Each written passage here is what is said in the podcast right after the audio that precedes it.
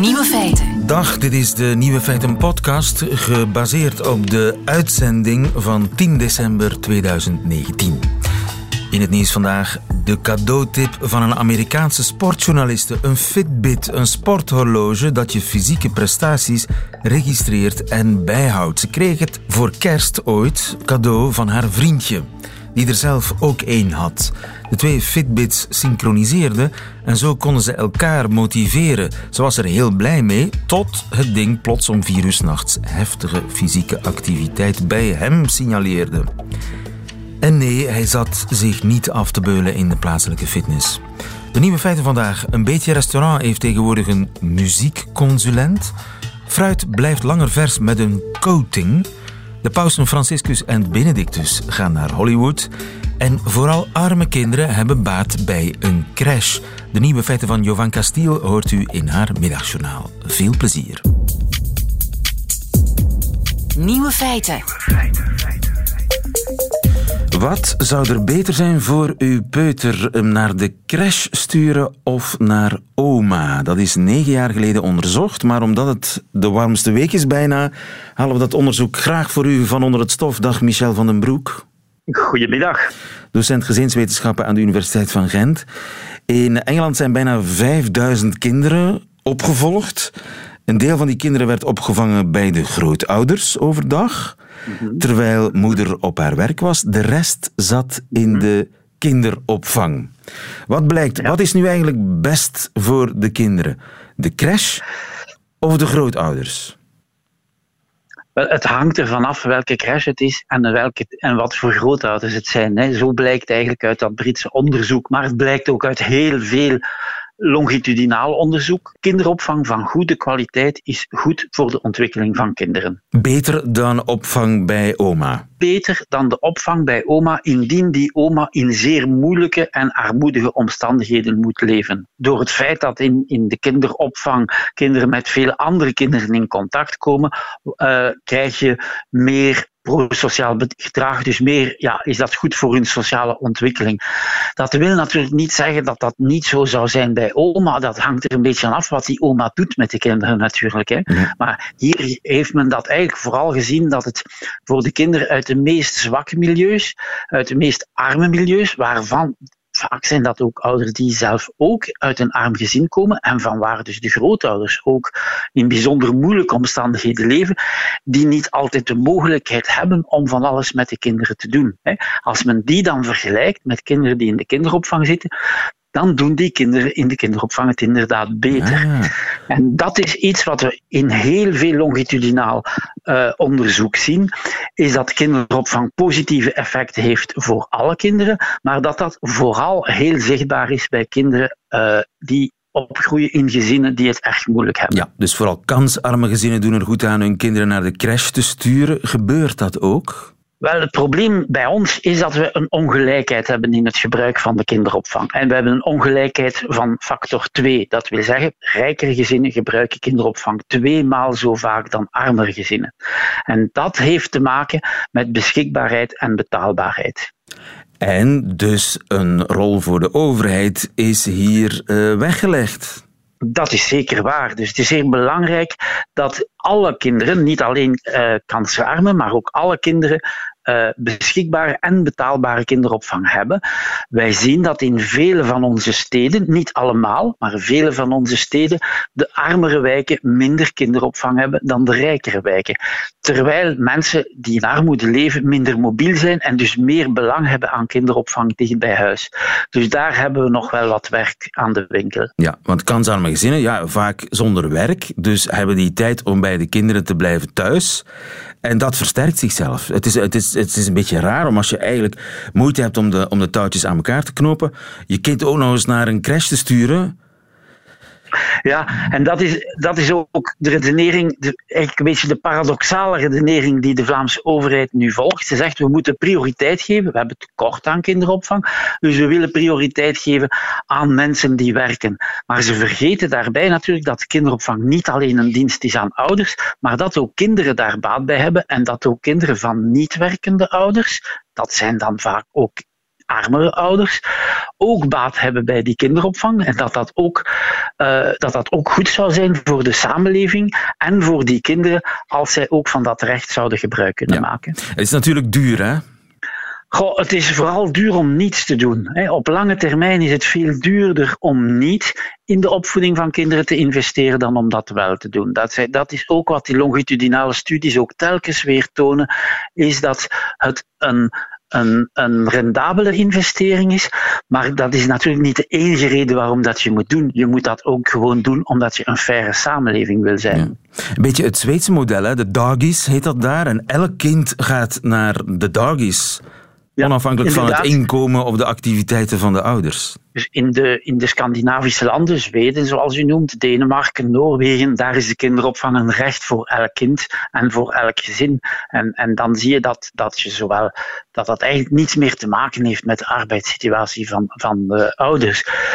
Maar ook in onze samenleving, waarin we eigenlijk wensen, en dat zegt ook de Vlaamse overheid, de Vlaamse regering, dat, we, dat de mensen zoveel mogelijk actief worden op de arbeidsmarkt, moet je natuurlijk ook kinderopvang hebben voor wie niet actief is op de arbeidsmarkt, want anders zullen ze het ook niet worden. Michel van den Broek, dankjewel. Goedemiddag. Graag gedaan. Nieuwe feiten. Radio 1.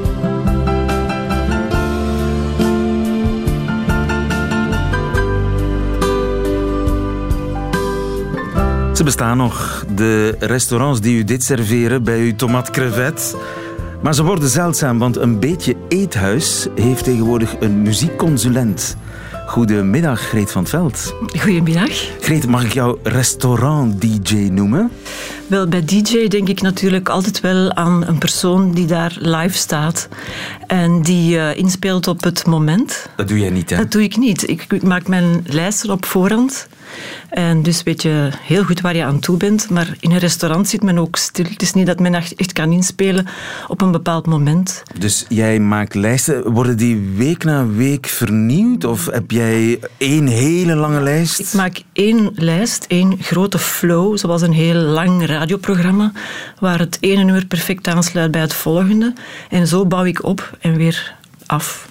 En uh, je maakt één keer zo'n lijst, of moet je dat verversen? Uh, het verversen gebeurt eigenlijk om de zoveel maanden. Ja. Dus ik heb vaste klanten die regelmatig uh, een nieuwe lijst vragen of wel eens een keer overslaan. Muziek krijgt meer en meer aandacht hè, tegenwoordig in een restaurant. Vroeger was dat anders. Hè? Dat was het laatste. Als er een, een chef-kok was, een goede maître, een ober, het decor in orde. Ja, ik denk dat dat in 90% van de gevallen nog altijd zo is. Ja. Ik, ik vind niet... Er, er komt een, een, een, kentering, vind ik zelf. Mensen vinden dat eigenlijk niet zo belangrijk. Ik werk daar ook wel aan mee. Ik probeer ergens toch in die wereld, dus de wereld van de gastronomie, uh, te doordringen met mijn boodschap. En ik probeer dus de aandacht te trekken en ik probeer zeer goede lijsten af te leveren, die dus passen echt bij het concept van ieder verschillend restaurant. Muziek kan alles kapot maken. Muziek kan alles kapot maken en ze kan ook de, de, de smaakbeleving eigenlijk uh, verbeteren, optimaliseren. Uh, ja. En hoe ga je dan te werk? Ga je eerst ter plaatse kijken om de sfeer op te snuiven? Absoluut. Ik maak eerst een afspraak en ik kijk rond. Nu, als het heel ver gelegen is, het restaurant, uh, helemaal in het zuiden van het land of zo, dan, dan vraag ik wel om, om foto's of bekijk ik de website. En ja, als het een, een, een designrestaurant is met heel dure spullen, dan weet ik ook wel wat ik moet doen. Um, ja. ja. Zijn er dingen die absoluut niet kunnen? Ik denk aan agressieve beats, dat ga je sowieso in geen enkel restaurant doen. Dat ga ik niet doen. Dat heeft ook niet veel zin, want als je op restaurant gaat, ga je ook in de eerste plaats om te praten met mensen. En dan als die muziek, um, als dat zware beats heeft, um, die muziek heeft zeker zijn nut op de dansvloer of in de auto of als je staat te koken. Maar als je, als je rustig aan het eten bent, dan denk ik niet dat dat een meerwaarde is. Uh, omdat bepaalde muziek met zware beats, ik noem maar iets, of, of, of Prince of, of U2, of de, de muziek met, met zware Heel veel muziek kan eigenlijk niet, Ja, dan, dan moet je die ook stiller zetten om die muziek tot zijn recht te laten komen. En dan gaat eigenlijk de eigenheid van die muziek ook verloren. Maar ik denk alles met uh, aandachtzuigende melodieën. Melodieën tot daartoe, maar, maar vooral veel tekst bijvoorbeeld. Dus, eh, dus veel bijvoorbeeld, verhaal. Veel verhaal. Dus ook Nederlandstalige muziek uh, probeer ik te vermijden. Geen Nederlandstalige muziek? Nee, want dan ga je daar automatisch naar luisteren. Ook meezingers, dat mag je niet doen. Hè. Ten meer omdat zo'n lijst die ik maak, die loopt verschillende maanden. En ik denk dat het personeel ook wel knettergek zou worden om altijd dezelfde herkenbare melodieën terug te horen. Ja. Maar zo aandachtzuigende stemmen, Lady Gaga, Aretha Franklin... Ja, dat kan wel een enkele keer natuurlijk. Hè. Bijvoorbeeld Aretha, Franklin past mooi in een kerstlijst, bijvoorbeeld. Maar past veel minder goed in een designrestaurant waar, uh, waar je dan meer ja.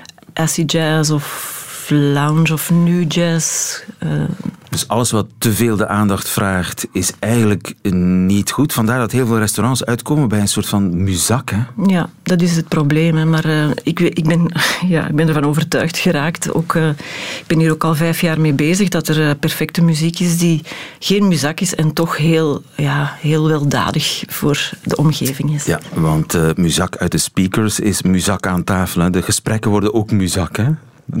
ja, misschien wel, ja. Muzak van roddel in veel gevallen. We gaan eens luisteren. Dit bijvoorbeeld... Is dit geschikt? Zeer geschikt, ja. Omdat? Het ritme is heel gelijkmatig, dus je wordt niet afgeleid door ritme. We kunnen er ook gewoon overheen praten, ik merk het. Precies, ja. De vrouwenstem is ook heel, heel, heel traag. Dus ik denk, als ik met jou nu een date zou hebben, dat wij een heel rustig gesprek zouden kunnen voeren. En dit? Toch een blazer, wat in principe gevaarlijk is, hè? Nee, ik vind dit wel een typische late-night sfeer. Dus bij de, bij de cognac. Bij, bij een sigaartje of zo. Dus die lijsten zijn ook aangepast Absoluut, ja. aan het moment ja, ik ga hier van de zeker, avond. Ja, ik ga hier zeker nooit mee beginnen. Je Dit begint altijd met een aperitief. Nee, aperitief is iets anders. Ja. Dat is een heel mooi nummer. En het is ook een gelijkmatig ritme, maar ik, zou het, ik word hier een beetje te opgewonden van. Ik vind dit te speels bijna. Maar ik hou daarvan, hè. dus het is een heel goed nummer, maar ik zou dit meer in een bar, in een bar draaien dan in een restaurant. Ik bedoel, dit ene nummer kan, maar als je zo alles, alles, alles, alles... Vermoeiend. Dan ga je, als je nu drie, drie uur op restaurant zit, hè, want het is toch een restaurant van een zeker niveau waar we over spreken, dan denk ik wel dat dat dan een tijd gaat tegensteken. Zo. Ja, maar je past ook de muziek aan aan de sfeer van het desbetreffende restaurant. Ja, dat is ook eh, in afspraak met de uitbater natuurlijk, die ook een, een mening heeft over muziek. Dit bijvoorbeeld. Dat is prachtig, ja. En hier kun je ook rustig ja. je leven vertellen. Dit zou zo mooi passen in een Spaans restaurant. Maar spijtig genoeg heb ik al ondervonden dat eh, ook Italiaanse restaurants, Spaanse restaurants, die doen gewoon zo hun... Die doen eigenlijk alles hetzelfde dan de andere restaurants. En Ja, dat die- zou ik die- echt graag zien veranderen. Zetten hem, zetten hem op Spotify, hè, een of ander lijstje. Ja, als ze dan nog Spaanse muziek kiezen, dan vind ik dat wel oké. En, en... Maar toch... Maar waarom werkt dit zo goed? Omdat het fladdert. Ah ja, puur Het is, muzikaal. het is een, soort, een soort sluier. Het is transparant. Juist, Dus dat als is het, het, woord. als het niet te, te... Sommige muziek is heel dens, waar heel veel in gebeurt. Zoals bij Prince bijvoorbeeld, er gebeurt zoveel in. Het is bijna ja, te goed gemaakt, om het zo te zeggen, om, om zomaar, zomaar te draaien op de achtergrond. Ja. Dat is de Armeense muziek ehm, met de duduk, het mooie instrument uit Armenië. En dat is, een, eh, dat is muziek die ik in een lijst heb zitten voor Seven Hill, een, een Ottomaans restaurant in Kasterlee. Een Ottomaans restaurant. Ja, ja, ze zijn eigenlijk ja, Turks, Turkse, Turkse, Turkse kok en zo, maar zij hebben een heel open geest en zij draaien ook... Enfin, ze hebben mij gevraagd, kan je voor ons geen lijst maken die echt onze gerechten nog lekkerder maakt, eigenlijk. Ja. Dus deze sfeer hangt in dat restaurant. Ja, en ook hier een niet te veel aandacht vragende melodie. Het is een soort, ja, eigenlijk één, één lang gerekte toon bijna. Ja, het is, het is heel mooi, maar wat hier moeilijk is, is dat het is, klinkt heel melancholisch natuurlijk. Hè. Dus tien eh, nummers van dit kan ook niet. Dus ik probeer dat wel met iets dansant af te wisselen. Zonder dat het weer te veel de aandacht trekt. Is maar heel je moeilijk. moet toch een enorm geheugen hebben en een enorme vergaarbak. Dat is mijn ambacht, dat is mijn, mijn leven. Hè. Mijn, muziek is mijn leven. Dus, en ik sta open voor alle muziek die goed is. En niet voor een bepaald genre, genre of zo. En hoe werk jij? Heb jij een enorme platenverzameling? Of, of heb jij voortdurend, zit jij voortdurend uh, op de streamingdiensten? Ja, voortdurend op de streamingdiensten, ja. CD's komen bij mij niet meer in de CD-speler. Daar, daar, heb ik ook geen tijd meer voor om dat in te steken. Het is zo...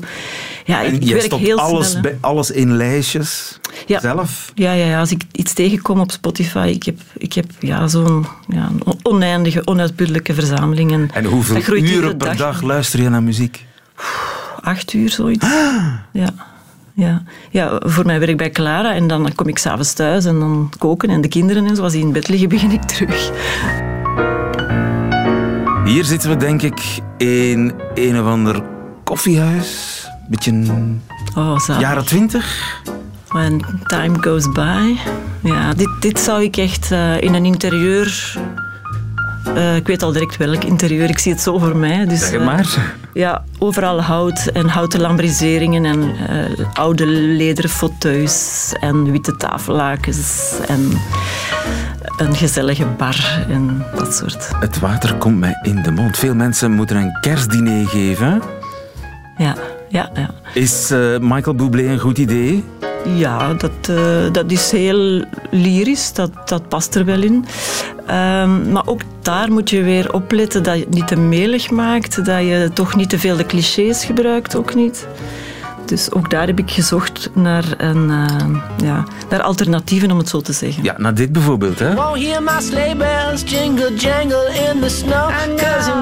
Heel kerst. Ja. Heb je naar de tekst geluisterd? Nee.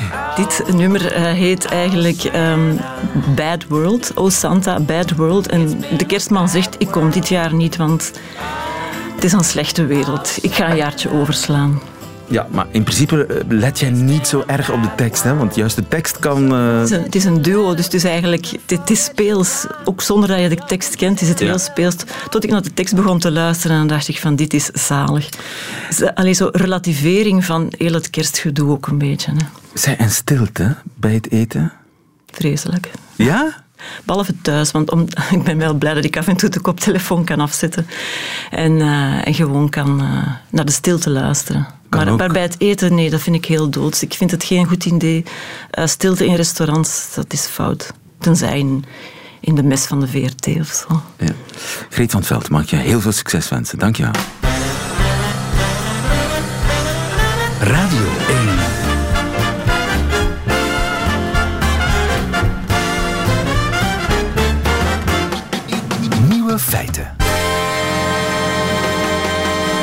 Houdt u ook zo van uh, avocado, dan kent u wellicht de frustratie. Dagenlang liggen die dingen keihard te zijn in de fruitmand.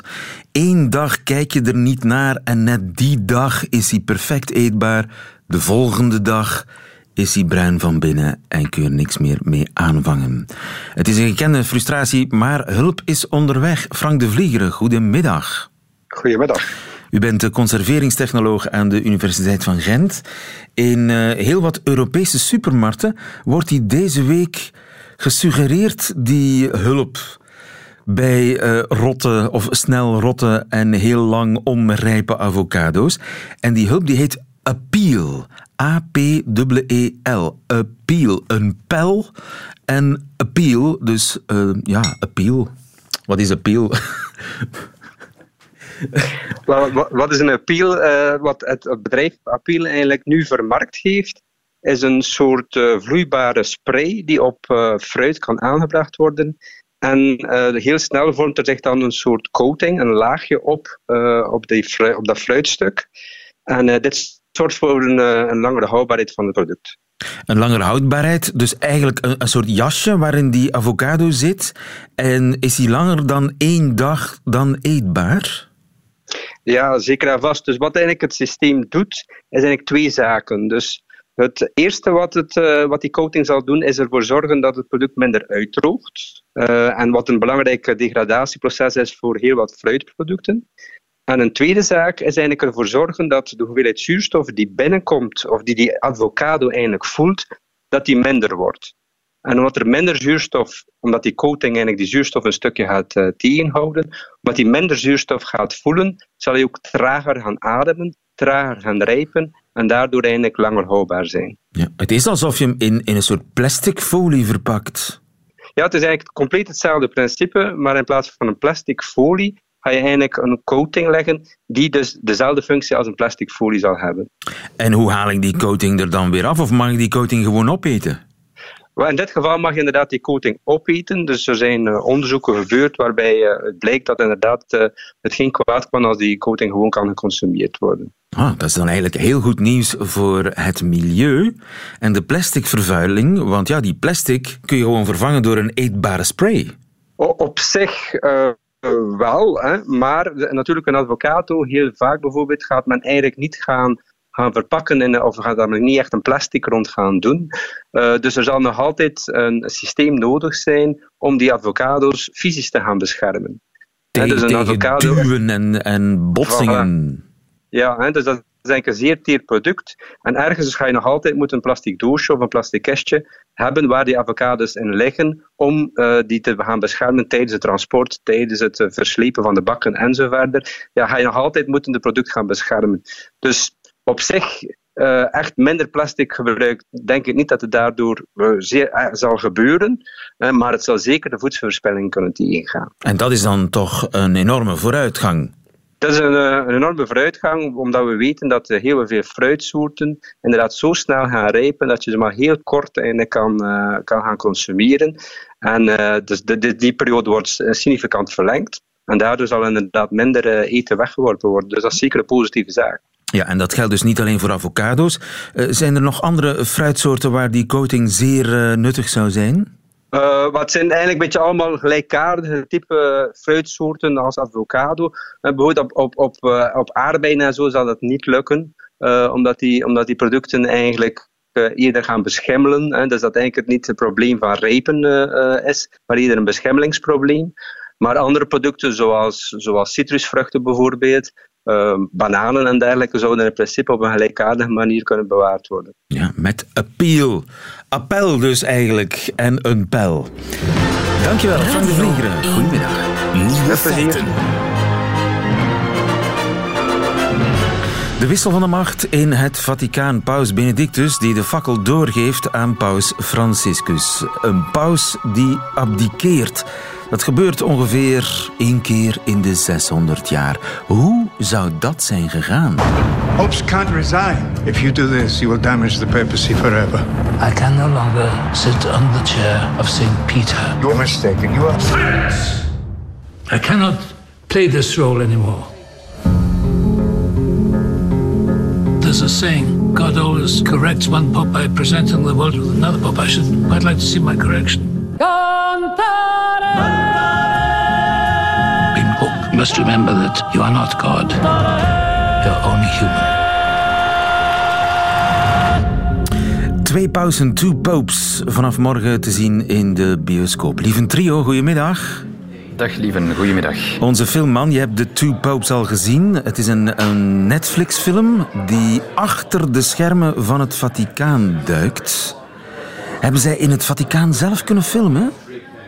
Nee, dat, uh, dat mag helaas niet. Uh, of toch zeker niet als je een fictiefilm maakt. Er zijn heel strenge regels over natuurlijk. Hè. Dus een, uh, het grootste deel van het Vaticaan is ten eerste sowieso niet toegankelijk natuurlijk voor bezoekers of voor documentairemakers. Maar specifiek ook een aantal ruimtes zijn niet voor fictie geschikt. Bijvoorbeeld aan de, de Sixtijnse kapel en zo.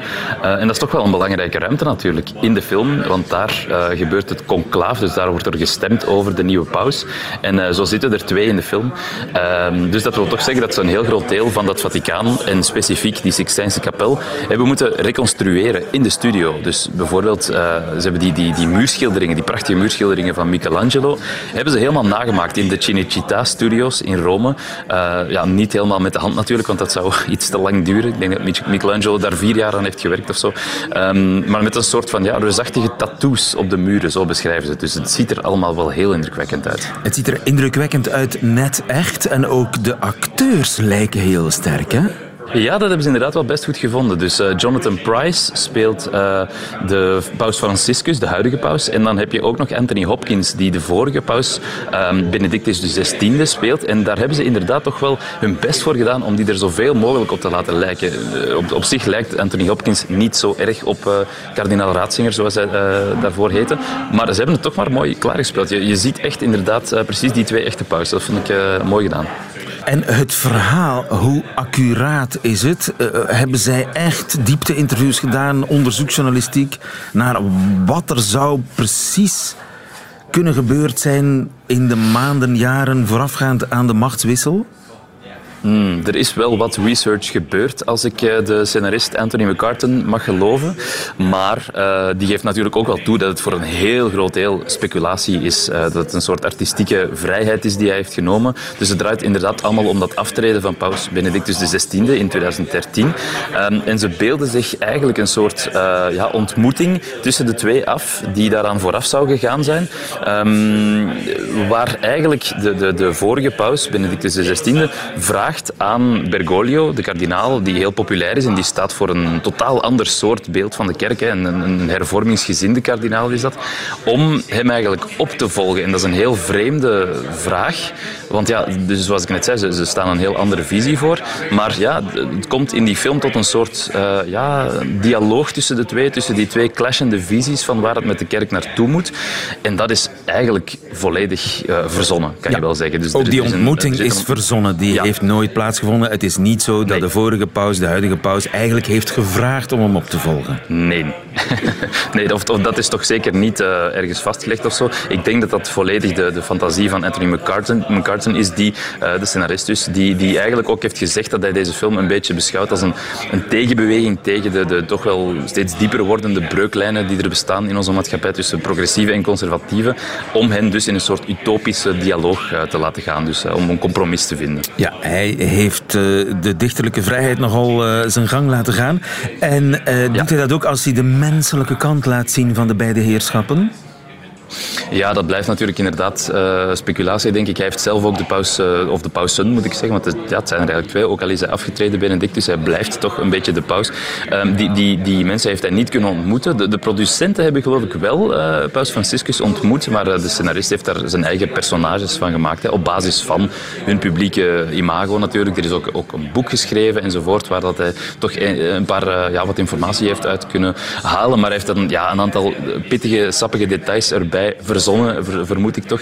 Eh, bijvoorbeeld uh, Paus Benedictus, die blijkt een uh, grote fan van Fanta.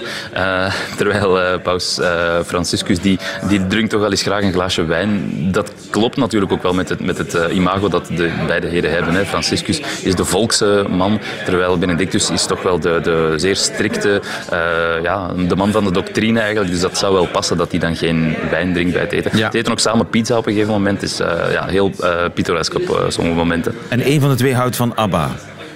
Ja, ja, ja, je mag twee keer raden wie dat is. ja, pas op. Ik zou het niet weten. Ik vermoed Franciscus, maar het zou net zo Het is goed inderdaad Franciscus, ja, Benedictus kunnen zijn. Het zou mij ook even Ja, Franciscus fluit al eens graag ABBA. Voilà.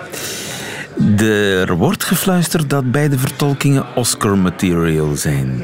Ja, dat uh, denk ik, daar ben ik het toch wel mee eens inderdaad. Uh, Jonathan Price en Anthony Hopkins zijn net ook allebei genomineerd voor een Golden Globe. Dus dat uh, betekent misschien toch al wel wat. Het is ook echt een, ja, een typische Oscar-film. Hè. Heel, heel waardig en goed gemaakt. Je, je, wordt er niet echt heel erg warm van. Of toch ik niet, maar ik vond het wel heel goed gemaakt. En ja. zo, er wordt stevig geacteerd. Het zijn echt van die showcases. Hè. Vooral Anthony Hopkins, denk ik, die ja, als die weerbarstige Paus Benedictus, die blijft echt wel hangen. Dat vond ik een zeer fijn Het lijkt wel een trend. Hè. Je hebt The Crown, hè. Een, een soort ja, gefictionaliseerde documentaire over het leven van Queen Elizabeth. Uh, als je dat nu naast The Crown zet, ook van Netflix, zou je dit in, op hetzelfde niveau plaatsen? Wel, lieven, ik heb helaas The Crown niet gezien. Mo, maar, uh, lieven toch? dus, Hoe kan het? Ja, kijk, ik ben, ik ben ook niet perfect. Nee, ik uh, probeer mij vooral op film toe te leggen. Dus de tv-series kan ik helaas niet altijd allemaal zien. Maar uh, ik denk dat ze allebei toch gewoon beantwoorden aan een soort basale noodzaak van de mens om te fantaseren over ja, wat er allemaal binnen die privévertrekken gaande zou zijn. Hè. Hmm. En dat doen zowel The Crown als The Two Popes heel erg, denk ik, de fantasie de vrije loop laten. Ik ben heel nieuwsgierig in elk geval naar Two Popes. Dankjewel, lieve trio. Goedemiddag. Heel graag gedaan. Nieuwe feiten. Radio 1. Dat waren de nieuwe feiten van 10 december. Alleen die van Jovan Castiel. De Amerikaans-West-Vlaamse comedienne heeft u te goed. U krijgt ze in haar middagjournaal. Nieuwe feiten. Middagjournaal. Goedemiddag. Mannen kunnen ziek zijn niet aan. Als mijn man een verkoudheid heeft, wordt alles een groot drama. Eerst laat hij mij weten dat hij ziek is. Heel luid. Hij hoest. Hij maakt een vreemd lawaai met zijn keel. En om de een of andere reden trekt hij plots met zijn been. Dan gaat hij in zijn bed op internet zoeken naar de symptomen van de builenpest. Jovanka, ik meen het. Volgens elk geschiedenisboek is dit precies hoe het begint. Er is één iets irritanter dan een man die een verkoudheid heeft, en dat is een man die beseft dat hij kaal aan het worden is. Mijn man hoorde het slechte nieuws voor het eerst van zijn kapster. Je haar is gemakkelijk om te knippen, want je bent kaal aan het worden, zei die vrouw terwijl zij lachte. Zij lachte terwijl mijn man van binnen aan het breken was. Mijn man kwam thuis en vroeg: Is het waar? En ja, het was waar. Het zag eruit alsof er een kapucijnermonnik in onze keuken zat. Kom aan, zei ik. Het is niet het einde van de wereld. Ik bedoel, wat denkt hij dat er zal gebeuren? Dat als we de volgende keer naar een restaurant gaan, ze zullen zeggen: Sorry meneer, geen kale mensen hier. Dit is een fatsoenlijk restaurant. Mijn man zat gisteren triest in een tijdschrift te kijken. Ik hoorde een zachte zucht toen hij naar een foto van Herman Brusselmans keek. Ik voel me ziek, zei hij. Ja, oké, als je ziek bent, moet je gaan rusten, zei ik. En hij ging rusten, of beter gezegd, hij ging op bed liggen terwijl hij op het internet opzocht of kaal zijn inderdaad een symptoom van de builenpest was.